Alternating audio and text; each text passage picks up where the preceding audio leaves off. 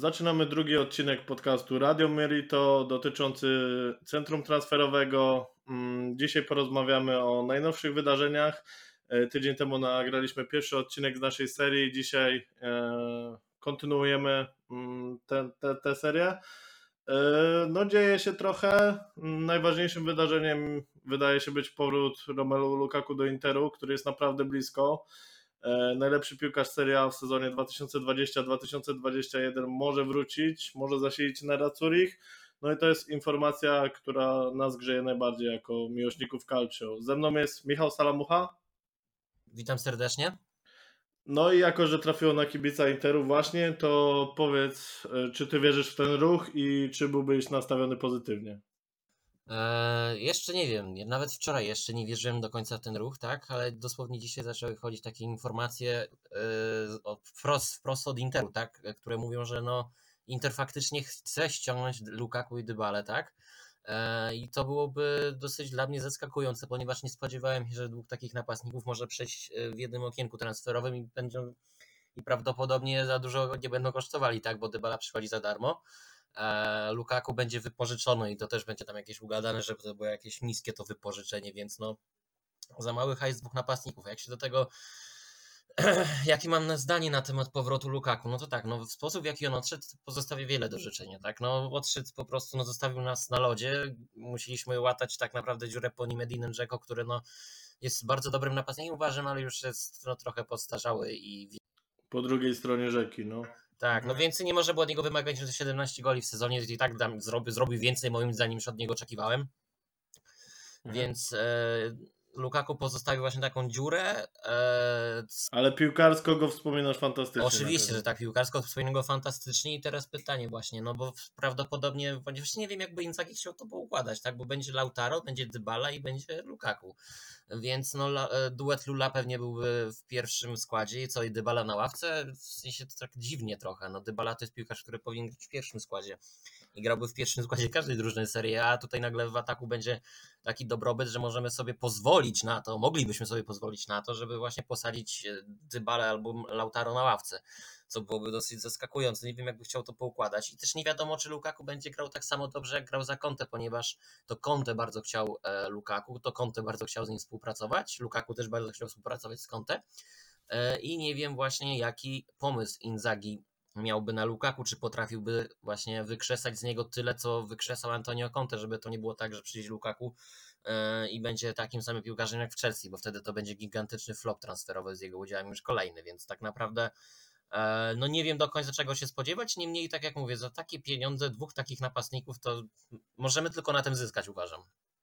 No i wtedy też Inter by się wysunął jakby na prowadzenie w tym przedsezonowym wyścigu o Scudetto, w tym koło byśmy rozpatrywali jako faworyta.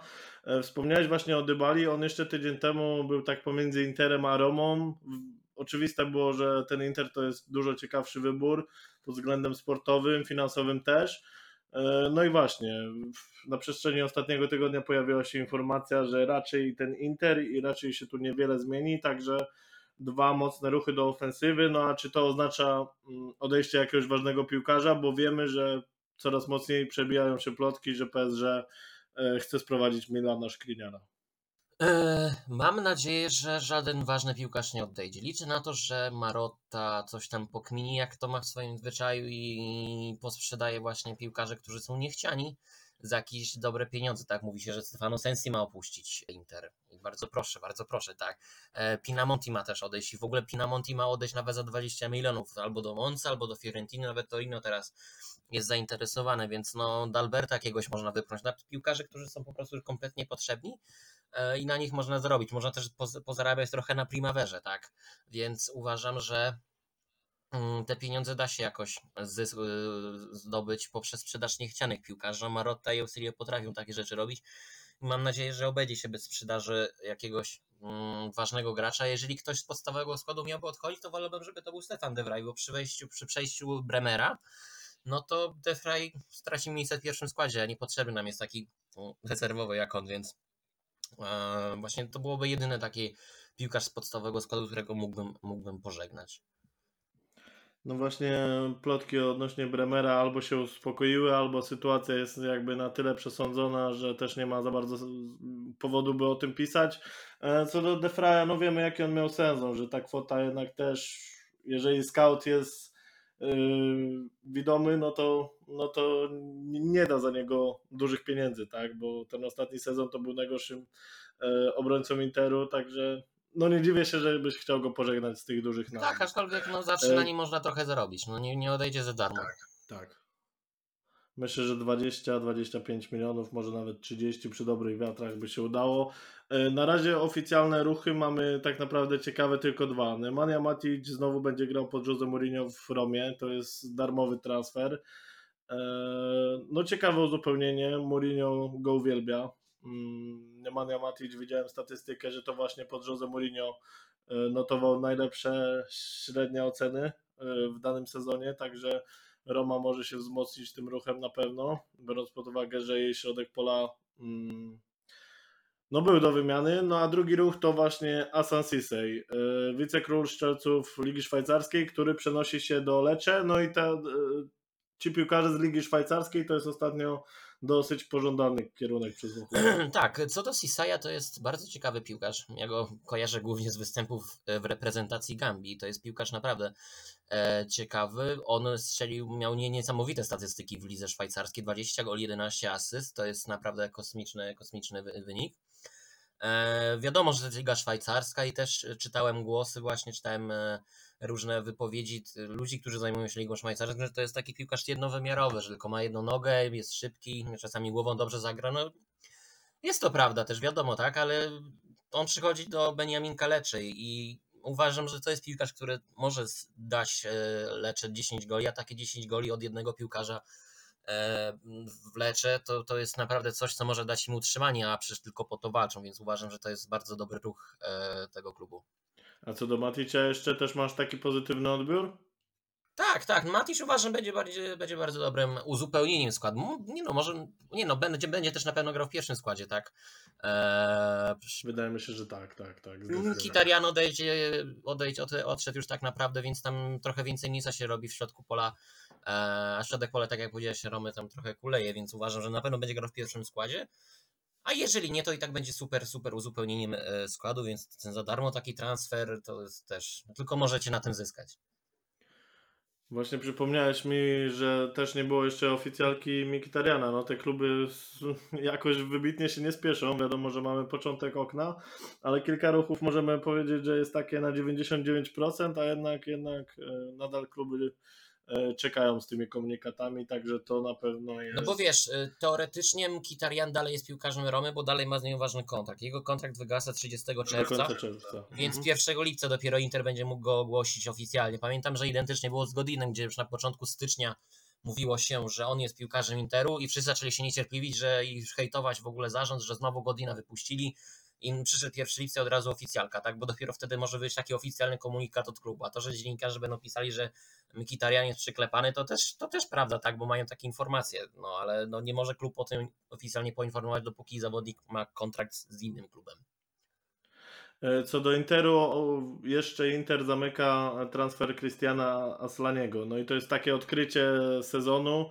E, Bardzo ciekawy piłkarz. No i myślę, że e, do rotacji naprawdę świetny wybór. Zgadzam się, tani. zgadzam się, w końcu będzie dobry, dobry wice Brozowicz. W końcu nie będzie trzeba jakichś dziwnych fikołków robić, że Barelle się ustawia na, jej, na jego pozycji, albo to Gagliardiniego, albo Vidala. W końcu będzie piłkarz, który naprawdę potrafi grać na tej pozycji, jest młody, pokazał się z dobrej strony i ma tak naprawdę, może się bardzo rozwinąć. E, więc to uważam będzie super transfer też i, i cieszę się, że przechodzi po prostu.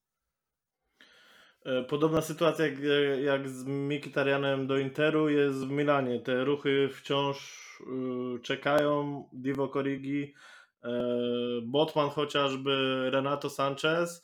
No, wczoraj pojawił się komunikat, że Milan e, wykupi Alessandro Florenciego i Juniora Messiasa. No i kwota za tych dwóch zawodników nie przekracza nawet 10 milionów euro, więc to jest moim zdaniem majstersztyk. Za reprezentanta Włoch i za skrzydłowego, który kilka bramek i kilka asyst na pewno dorzuci. Zgadzam się. To są piłkarze, wiadomo, że to będą piłkarze na ławkę rezerwowych, tak? Ale tacy piłkarze też są bardzo ważni, bo wiadomo, Milan będzie grał teraz na trzech e, frontach, będzie Liga, będzie Liga Mistrzów, będzie Puchar Włoch, więc po prostu jeszcze Super, Włoch, super Puchar Włoch ich czeka, więc no potrzeba bardzo szerokiej y, kadry i to, żeby ta kadra była też bardziej wyrównana, tak? E, Florencji na pewno sporo da jako rezerwowy, Messias tak samo, tak jak powiedziałeś, to jest właśnie idealny taki skrzydłowy na ławkę, który da Ci te 4-5 goli w sezonie, więcej się od niego nie oczekuje i jest super, także naprawdę, szczególnie za taką, za taką cenę to są, to są bardzo dobre ruchy. Zwłaszcza, że na prawe skrzydło w Milanie są przymierzane naprawdę mocne nazwiska, czy to Berardi, czy De Ketelare może też grać, trochę ciszej ostatnio o Zaniolo, ale cały czas jakieś e, petardy są wystrzeliwane przez dziennikarzy w kontekście Milanu. Tak, więc no Milan potrzebuje właśnie takiego podstawowego skrzydłowego z e, takiej topowej półki. Wtedy naprawdę no, będzie super, super, super, e, będzie miał super skład, bo taki Messi na ławkę to też będzie, to też jest super wybór, więc no zobaczymy, co tam przynios, przyniosą następne dni tego okienka transferowego. E, Roma praktycznie bez żalu oddała Alessandro Florenciego. Mm, no wiemy, że te stosunki piłkarza i z klubem i z kibicami nie były dobre. On był wypożyczany do kilku klubów, bodaj trzech, Valencia, PSG i właśnie Milan. E, teraz te drogi się definitywnie rozejdą, no ale Roma ma już przyszykowanego zawodnika na tę pozycję. E, Zeki Czelik z Lille. Co ty możesz o nim powiedzieć? Czy to jest fajny ruch? No bo też ta kwota ma wynosić około 8 milionów euro, to ryzyko praktycznie minimalne. E, za tyle samo bodaj przychodził Brian Reynolds, także tak dla porównania. Mm, no, Zeki Czelik na pewno będzie dużo bezpieczniejszym wyborem niż Reynolds. E, Czelik był podstawowym piłkarzem mistrza Francji, tak?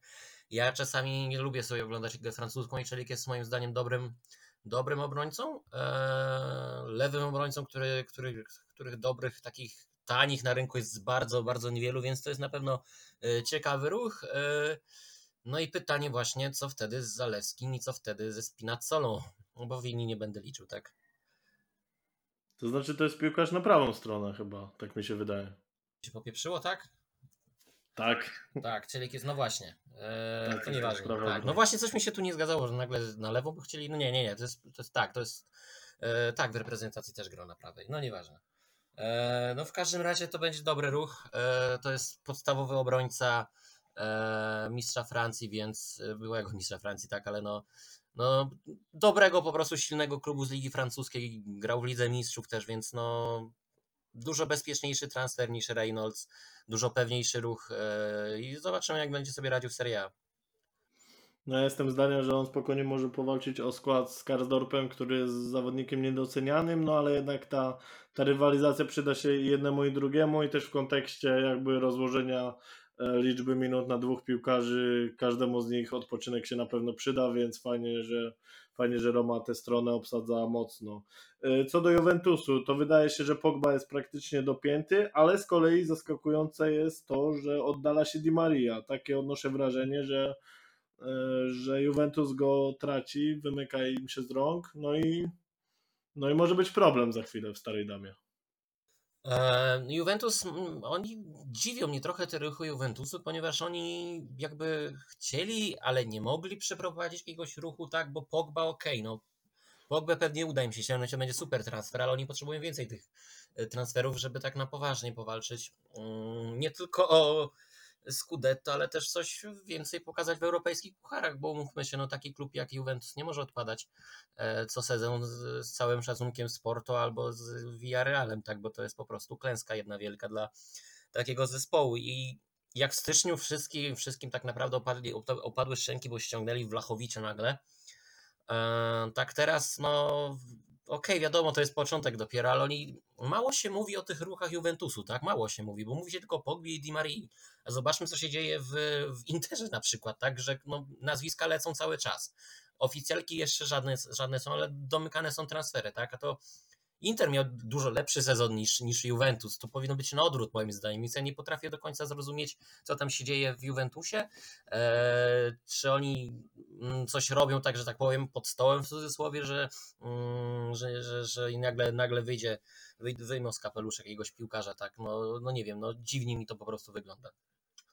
E, Pamiętam, że kilka dni temu przewijał się Udoji e, z Udinese, ale to raczej, to raczej mocno wstępnie, nic poważnego. A No a dzisiaj wyszło nazwisko Nandeza z Cagliari, które spadło i które zostanie rozkupione, więc no ale myślę, że Nandes miał swój prime jakieś dwa lata temu i że to już nie jest piłkarz na pierwszy skład.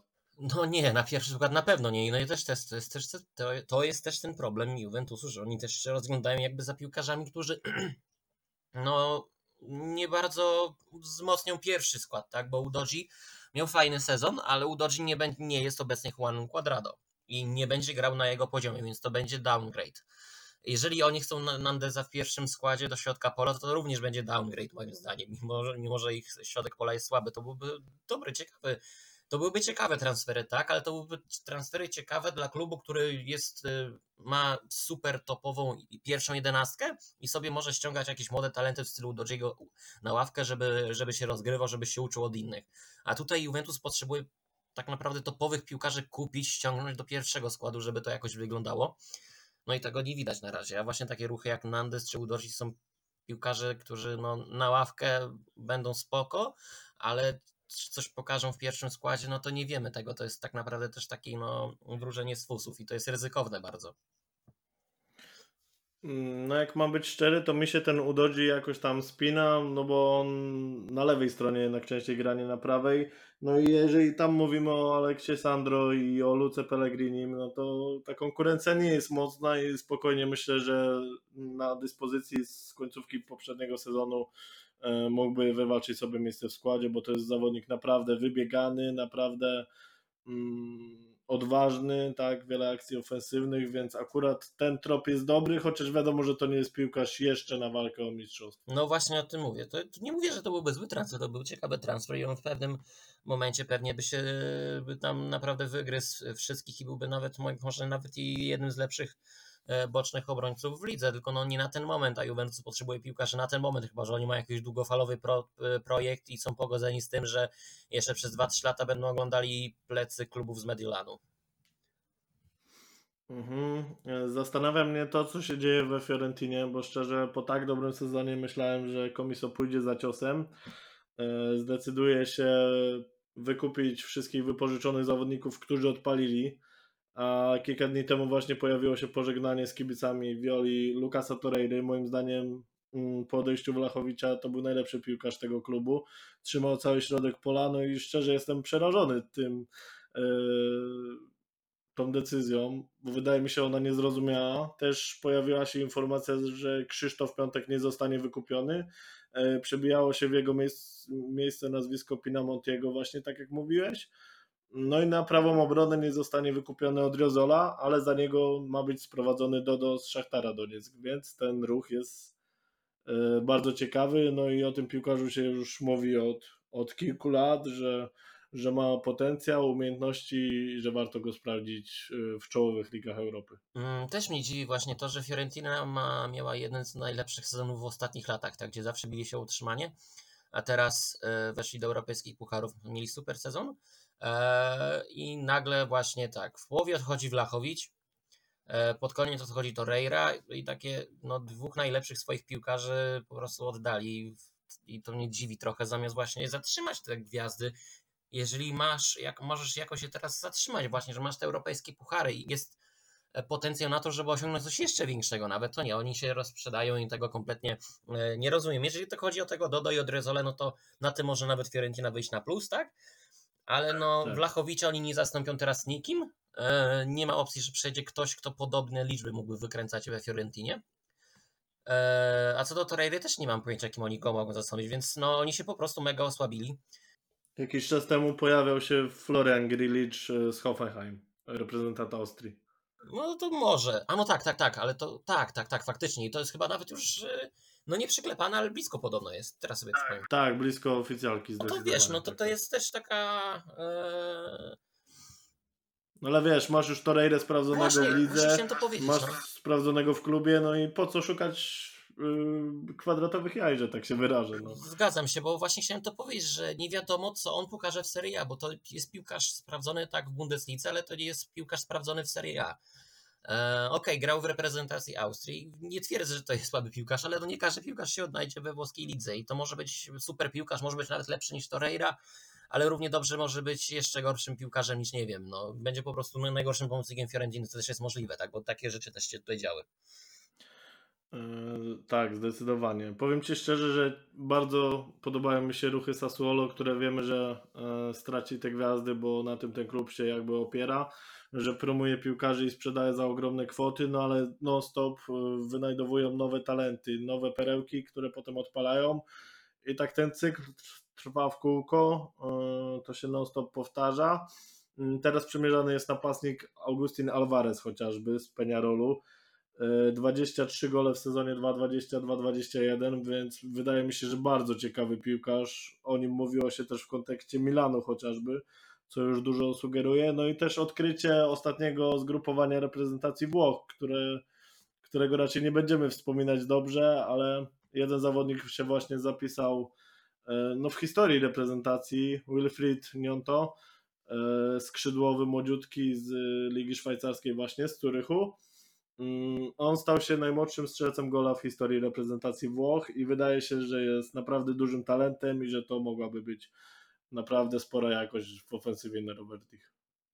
Eee, no to są właśnie takie typowe transfery ala Sassuolo, czyli ściąganie właśnie takich młodych piłkarzy, którzy tam odpalają w jakichś tam niższych ligach powiedzmy, niższych, słabszych ligach, tak jak właśnie e, Urugwaj czy tam Szwajcaria i 2-3 lata i nagle się ich e, wykupuje, e, sprzedaje za za ogromne pieniądze i to jest no bardzo, e, były to bardzo ruchy w stylu Sassuolo, dlatego właśnie moim zdaniem e, nie on to najlepiej pasuje do tego klubu, bo przede wszystkim będzie tam na pewno grał, bo jak słyszę jakieś zainteresowania, że on może wrócić do Interu, czy jakieś tam topowe kluby, to się tak naprawdę za łeb łapie, że on na pewno w takich klubach by nie grał, dla niego najważniejsza teraz jest gra, regularna gra, żeby się rozwijać, bo to nadal, nadal jest piłkarz, który ma 18 lat tylko. 2-3 rocznik, nie?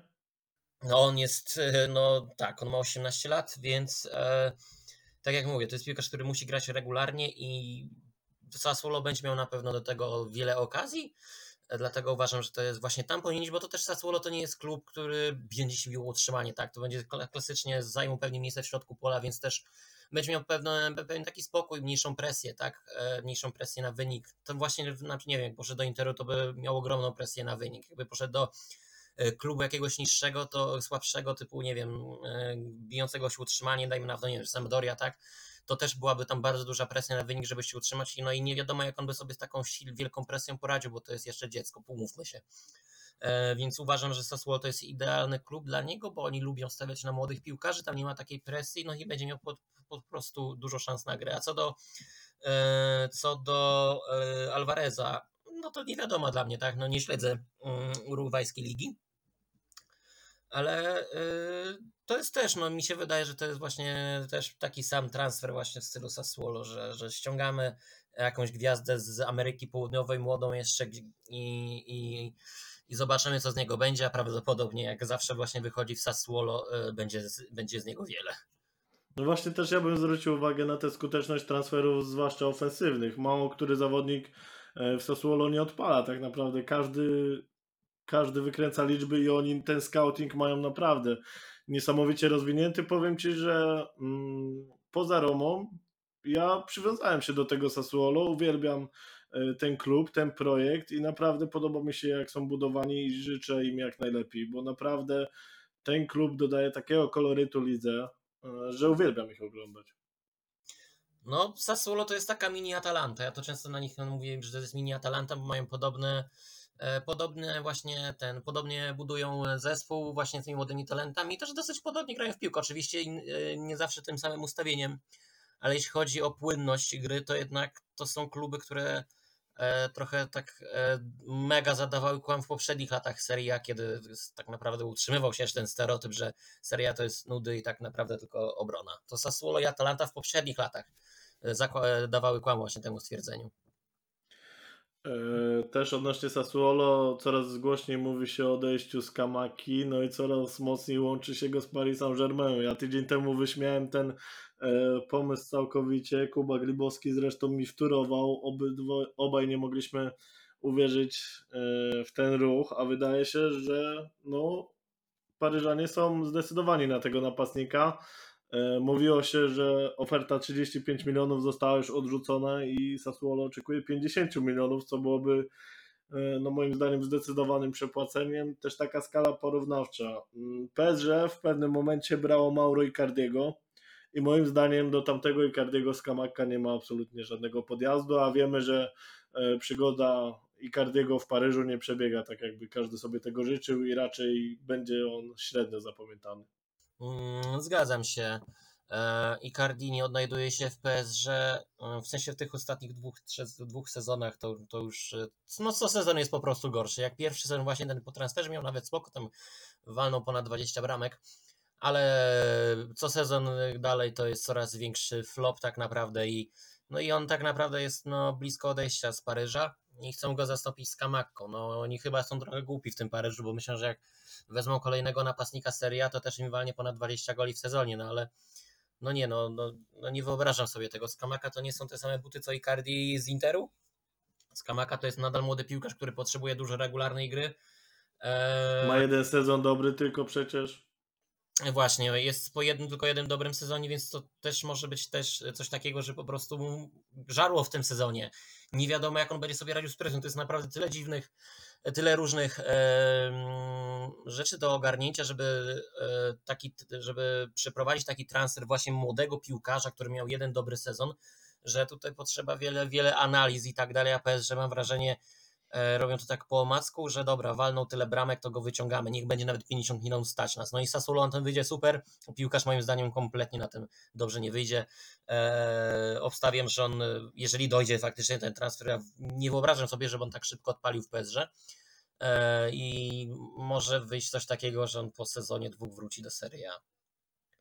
No tam ta presja jest e, olbrzymia, ogromna, protesty wśród ultrasów, także oni są nastawieni na sukces, oni są nastawieni na wygranie Ligi Mistrzów i każdy wynik odbiegający od tego mm, jest przyjmowany jako rozczarowanie. Nawet te seryjne mistrzostwa Francji właśnie nie są w stanie zadowolić kibiców. Moim zdaniem, tak już podsumowując ten, ten ruch, e, Skamace byłoby bliżej do Moisekena niż do, niż do Mauro Icardiego. Mhm, tak, tak, tak, to prawda. No, uważam, że on powinien iść do, jeżeli naprawdę koniecznie musi odejść z Sassuolo, w co wątpię, żeby musiał odchodzić, bo moim zdaniem najlepiej byłoby dla niego, jakby został w Sassuolo jeszcze.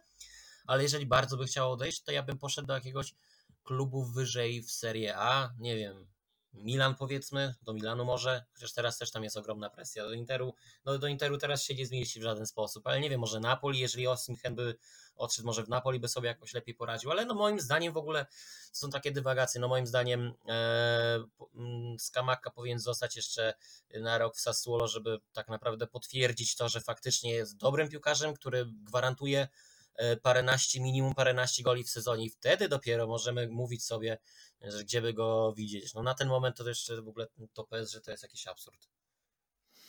Mm, zmieniając już jakby barwy klubowe, e, wiemy, że Merrick Demiral najprawdopodobniej pożegna się definitywnie z Juventusem. No i teraz opcje są dwie. Albo Atalanta go wykupi, no albo Premier League, bo nigdzie indziej w Serie A go nie jesteśmy w stanie wcisnąć i myślisz, że które rozwiązanie jest bardziej prawdopodobne? Że jednak on zagrał taki dobry sezon, żeby przekonać do siebie Gasperiniego? Wiesz, no teraz w Atalancie prawie nikt nie zagrał, zagrał dobrego sezonu, więc ciężko mi powiedzieć i nie wiem, czy oni chcieliby go wykupywać. E, nie jestem tego pewien. Dużo się mówi ostatnio, że Newcastle właśnie może sięgnąć po Demirala, ponieważ transfer Botmana trochę tam się e, sypie, ponieważ e, Newcastle czeka tak naprawdę na jego decyzję, który piłkarz chce przejść do Milanu, tak kręci nosem na to Newcastle. Milan tak naprawdę nie wiadomo, co się robi w tym kierunku, więc to wszystko stoi w martwym punkcie i właśnie media podały, że, że Newcastle traci trochę cierpliwość do Botmana i może ruszyć po Demirala i moim zdaniem jeżeli Demiral nie zostanie wykupiony przez Atalantę, no to po prostu pójdzie gdzieś za granicę, bo tak jak wspomniałeś, on nie ma gdzie go wcisnąć w Serie e, Nikt, nikt wątpię, żeby z Serie żaden klub nie wyłoży na niego jakichś, jakichś dużych pieniędzy, więc obstawiam, że, że pójdzie gdzieś, gdzieś za granicę. Premier League pewnie, pewnie, bo on tam pasuje po prostu, on do Premier League pasuje i tam nawet klub ze środka, środka tabeli może dać za niego konkretne pieniądze w kontekście Romy do środka pola i wzmocnienie e, Nemani Maticza mówi się, że on nie ma być jedynym nowym piłkarzem w tej formacji w zespole Giallorossich. No i blisko podobno jest Davide Fratezi, byłby to powrót wychowanka, no a dzisiaj pojawiła się informacja o Usemie Awarze z Lyonu, za którego trzeba by było zapłacić 25 milionów euro. W przypadku Frateziego ta kwota jest niższa i, i miałaby być zbijana jeszcze włączeniem w to wychowanków Cristiana Volpato, napastnika z Primavery i prawdopodobnie Felixa Fenegiana. No i bez względu na to, na który z tych dwóch ruchów Roma by się nie zdecydowała, to to będzie naprawdę, naprawdę duże wzmocnienie. Eee, no na pewno wolałbym widzieć Frateziego w Romie, ponieważ to jest zawodnik, który w tym sezonie grał bardzo, miał bardzo dobre, wiele, wiele bardzo dobrych spotkań eee, i ogólnie mi się wydaje, że on tam właśnie pasuje do takiego, bo tak ludzie mówili, że do Interu Fratezi tak i tak okej, okay, to byłby też, on by też tam pasował, ale z drugiej strony e, Fratezi w Interze no nie miałby miejsca w pierwszym składzie, on byłby na ławkę. I to jest właśnie ten problem, że no fajnie byłoby mieć takiego piłkarza na ławce, ale nie fajnie byłoby mu niszczyć w ten sposób karierę, bo to byłoby człowiek, który wchodziłby z ławki, bo on nie wygryzłby nikogo z pierwszego składu. A, I tutaj właśnie był, byłby ten problem braku regularnej gry, który jest mu po prostu potrzebny, bo to nadal jest młody piłkarz. E, I moim zdaniem w Romie będzie pasował idealnie, ponieważ to nie jest klub, w którym jest aż tak wielka presja jak w Winterze. To jest klub lepszy niż Sassuolo i to jest tak naprawdę idealnie wyglądający kolejny krok w rozwoju piłkarza, tak? Idzie do klubu trochę, trochę lepszego, lepszego klubu idzie, tak? Będzie grał w Europie. I który zna przede wszystkim, nie? Bo tak, jest tak, wychowankiem tak. Wychowankiem jest, który zna, e, więc na pewno się tam bardzo szybko odnajdzie i przede wszystkim będzie regularnie grał w pierwszym zespole, będzie, będzie grał e, w pierwszym zespole i no i po prostu będzie miał większe szanse na rozwój w takim klubie, aniżeli w jakimś takim stricte, stricte topowym zespole. I moim zdaniem to byłby idealny ruch i dla Romy, i dla Frateziego i nie zdziwię się, jak on odpali w Romie konkretnie za 4-5 lat. Roma na nim konkretne pieniądze zarobi, może przejdzie wtedy do Interu do pierwszego składu albo za granicę się go sprzeda e, za ogromne pieniądze, więc no jestem ciekaw właśnie jak on, jak on będzie sobie radził w Rzymie. E, też lubię wątek e, mocy w, naszym, w naszych podcastach transferowych, bo tam się dzieje dużo, łączeni są przeróżni piłkarze. E, jeżeli chcecie odsłuchać poprzedniej listy, jakby, która zawierała w sobie 15 nazwisk i to takich mocnych, to zachęcamy właśnie do przesłuchania pierwszego naszego podcastu. No dzisiaj od siebie dorzucimy João Pedro i Alessio Cranio z Cagliari. Mówi się też, mówi się też o Golini, tam naprawdę jest kocioł kompletny, bo oni starają się ściągnąć chyba dwóch bramkarzy, tak? Graniu i Golini i wychodzi na to, że Golini znowu byłby rezerwowym. A wydaje mi się, że Monca jest y, takim włoskim odpowiednikiem Newcastle, że, że po przejęciu przez szejków to się każdego z tym klubem łączy, kto kiedyś ko prosto kopnął tę piłkę, nie? Jak, jak, jaka liga, takie, takie Newcastle, no i to jest prawda, bo tam jest naprawdę tyle jest nazwisk łączonych i tak naprawdę chyba jeszcze żadnego oficjalnego transferu nie było. No nie, po prostu jest wiele nazwisk łączonych i na razie tak naprawdę jest e, tyle na ten moment, ale no. Kibicujemy temu projektowi, nie? Moncy. No jestem ciekaw właśnie, co oni, co oni tam e, pokażą. Kogoś ściągną, tak? Bo João Pedro moim zdaniem siadłby tam idealnie, tak samo jak Pinamonti. No. Mhm. Monza potrzebuje piłkarzy ogranych w seriach, którzy dadzą jej e, dużo, dużo możliwości. Bo w kluby, które awansują do Serie A, bardzo często popełniają taki błąd, że oni, oni ściągają za darmo chłapy jakieś z tych klubów, bo okej, okay, z klubów Serie A, bo myślą sobie, dobra, no doświadczony w Serie A to nam pomoże i tak dalej. No i bardzo często okazuje się, że wcale tak nie jest i Benjaminkowie spadają, ponieważ te transfery nie do końca były przemyślane. A Monza ma możliwości, żeby kupić kogoś lepszego niż jakiś odpad y, z klubu i właśnie mogą, mogą powalczyć o takiego Pinamontiego, Żał Pedro, który spadł z Cagliari, tak samo Kranio, Golini, są piłkarze, którzy naprawdę podnieśliby poziom tego klubu i, i Monza mogłaby faktycznie się utrzymać, a wiemy, że Beniaminkowie w ostatnich latach rzadko, rzadko utrzymują się w pełnym, w pełnym składzie, a teraz, teraz właśnie no w ostatnim sezonie była to Salernitana i tak naprawdę, ale zazwyczaj jest właśnie taka, um, zazwyczaj właśnie jest tak, że Beniaminkowie spadają z hukiem, i wiele może wskazywać na to, że, że teraz może być na odwrót, tak? Lecze też z tym Cisejem zrobił ciekawy transfer, zobaczymy co pokażą, ale tak przede wszystkim Monca